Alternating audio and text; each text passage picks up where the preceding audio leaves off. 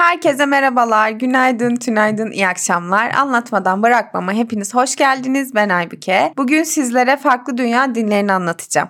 Aslında tamamını din demek doğru olmayabilir. Bazılarına felsefe diyebiliriz. Anlatacağım çoğu inanış tahmin edersiniz ki Derya Deniz. Ama ben özetle size anlatmaya çalışacağım. Hazırsanız başlayalım. İlk sırada Daoculuk var. Konfüçyüsçulukla birlikte 200 yıldan fazla süredir Çin'de hayatın her alanını biçimlendirmiş iki büyük yerel dini felsefi sistemden birisi. Temelinde yol manasına gelen Dao kavramı yer alıyor. Daoculuğun Çince karşılığı yolun nesli demek. Kökeni eski Çin şamancılığına dayanan Daoculuk tabiatla uyum halinde olmayı, müdahaleden kaçınmayı, basitliği ve sadeliği savunan bir düşünce ve inanç sistemi. Bu anlayışa göre Dao evrendeki düzen. Dao'nun kendiliğinden var olduğuna inanılıyor betimlenemez, nesnesiz, cisimsiz, sonsuz olan bir akıl. Bütün bu özellikler varlığı yokluğa götüreceğinden Dao yokluk demek. Varlığı yokluğa indirgediği için de bir tür nihilizm olarak adlandırılıyor.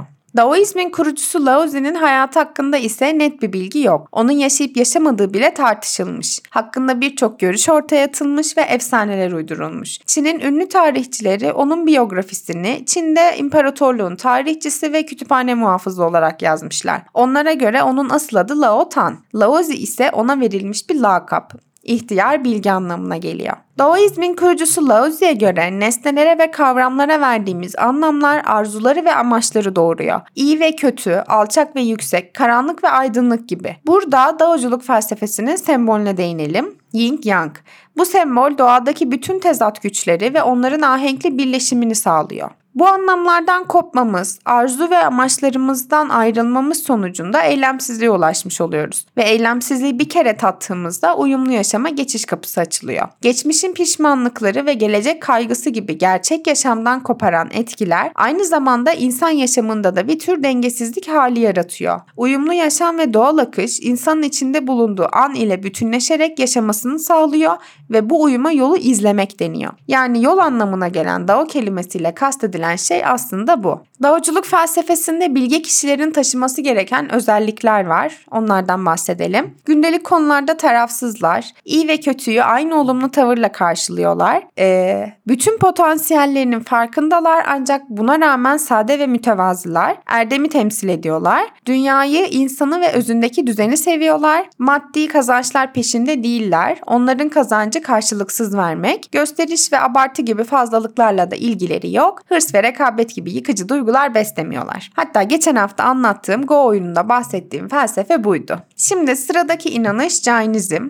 Jainizm e, milattan önce 6. yüzyılda ortaya çıkan Hinduizm'deki kas sistemine ve Brahman sınıfının otoritesine karşı bir tepki hareketi olarak doğan bir inanış. Bu yüzden ister kendilerinden olsun ister olmasın evlilik ve arkadaşlık bağı gibi kavramlara takılmıyorlar ve onlara göre her insan eşit. Cainizm milli bir din ve Hindistan dışına çıkmamış. 4 milyon civarında mensubu varmış ve kurucusu Mahavira isimli bir ermiş. Ölümden sonra bedenin hayat bulduğuna inanıyorlar. Yani reenkarnasyona inanıyorlar ancak insan olarak tekrar hayata gelmek zorunda değiller. Ruhların bedenden bedene geçtiğine inanıyorlar. Cainizme göre bir yaratıcı yok. Evren sonsuz. Zaten Hinduizm'den ayrılan kısım da burası. Her varlığın sonsuz olduğuna inanıyorlar. Bu inanışı ilginç yapan şu ki çok katı bir şekilde vejetaryen bir yaşam sürüyorlar. Ama söylediğim gibi kurallar çok katı. Mesela kök bitkileri yemiyorlar. Çünkü ağaçtan meyve aldığınızda ağacın ölmediğini ancak topraktan çekerek bir yiyecek çıkarttığınızda bitkinin öldüğüne inanıyorlar. Çünkü onu çıkartırken bazı canlılara da zarar verebilirler. Hayvanları zaten yemiyorlar ancak kendileri ölürlerse yiyorlar. Yani yemek için herhangi bir şiddet uygulamıyorlar. Bir yere oturacaklarsa ya da bir yerde yürüyeceklerse Cainizm keşişlerinin ellerinde bir tavus kuşu tüyü olurmuş ve önlerini süpürerek yürürlermiş bir karıncayı dahi incitmemek için. Hatta hayvanlar için için bir hastane bile kurmuşlar. Delhi'de bir Jain tapınağına bağlı bir kuş hastanesi varmış. Hatta ve hatta bana burası çok abartılı gelse de suyu dahi içerisindeki organizmalardan dolayı sınırlı bir şekilde içiyorlarmış ve iyi bir Jain keşişi havayı süzermiş ve bunun içinde bir maske takarlarmış. Jane inancına göre ruhsal yükselişin anahtarı 5 konuda ettikleri yemine bağlı. İlk madde ahimsa yani şiddetsizlik. Bunun için çok önemli. Yaşayan hiçbir canlıyı herhangi bir yolla zarar vermeme, onu incitmeme ve öldürmeme ilkesi. Jainistler bu prensibi çok ciddi bir şekilde ele almışlar ve öğretilerinin en önde gelen prensiplerinden biri yapmışlar. Jainizme göre insanın başlıca görevi kendi ruhunu ve çevresinde bulunan canlıları geliştirip olgunlaştırmak. Bunun gerçekleşmesi için de ahimsa prensibine uymak zorundalar. En üstün davranış ilkesi olarak benimsenmiş, bir Jainist mükemmellik ve güzellik uğruna dahi olsa asla hiçbir canlıyı öldürmezmiş. Jainizme göre ahimsa 18 ana günahın en kötüsü. Jainistler en küçük bir böceğin hayatının bile kutsal olduğuna inanıyorlar. Şiddetin her türlüsünü tamamen yasaklamışlar. Bakın burası çok önemli. Jainizme göre şiddet sadece fiziksel değil. Düşüncede gösterilen şiddet şiddetin daha ince ve daha tehlikeli bir biçimi ve fiziksel şiddetten önce geliyor. Ben bu kısmını sevdim. Yapılan fiziksel olmayan zorbalıkları falan düşündüğümde burası bana çok güzel geldi.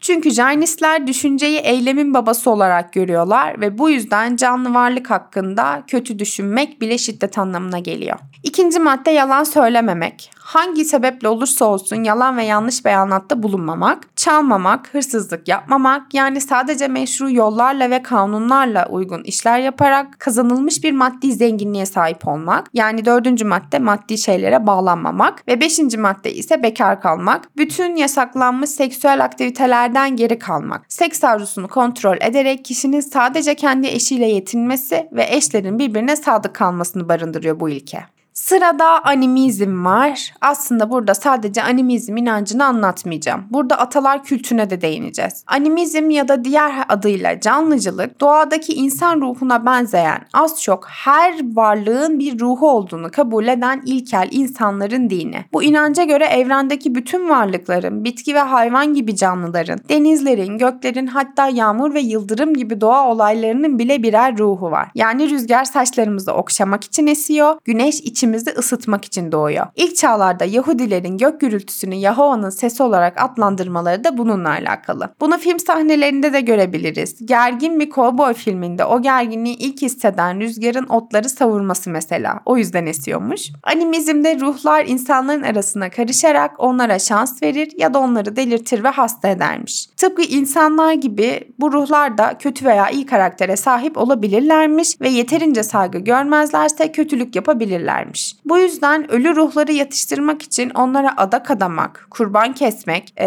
ve ölmüş atalarının mezarlarına hediyeler sunmak gibi şeylerle onların ruhlarına saygı göstermişler. Onların da dünyası olduğuna inanıyorlar. Ancak onların dünyası bizim dünyamızın tam tersi. Bizim yazımız onların kışı, bizim gecemiz onların gündüzü. Bu yüzden halk arasında inanılan gece mezarlıklara gitmeme olayı da bununla alakalı. Gündüzleri dolaştıklarına inanıyorlar. Bu inanışa göre öbür dünyada da bu dünyadaki gibi acıkmak ya da eşyalarına ihtiyaç duymak gibi gereksinimleri olduğundan eşyalarla beraber gömülüyorlar. Bu bize eski Türklerden çok tanıdık biliyorsunuz ki. Hatta esirleri ve hizmetçileri de onlarla beraber gömülüyormuş ki burası çok ürkütücü. Onlara göre her nesne canlı olduğundan eşyalar da gömülür, yakılır, kırılır ya da yüksek yerlere asılırmış. Bu yüzden ölmüş birinin temas ettiği hiçbir eşya kullanılmazmış ve bu şekilde yok edilirmiş. Animizmin kelime anlamı Portekizce'de büyü gücüne sahip perili nesne demek.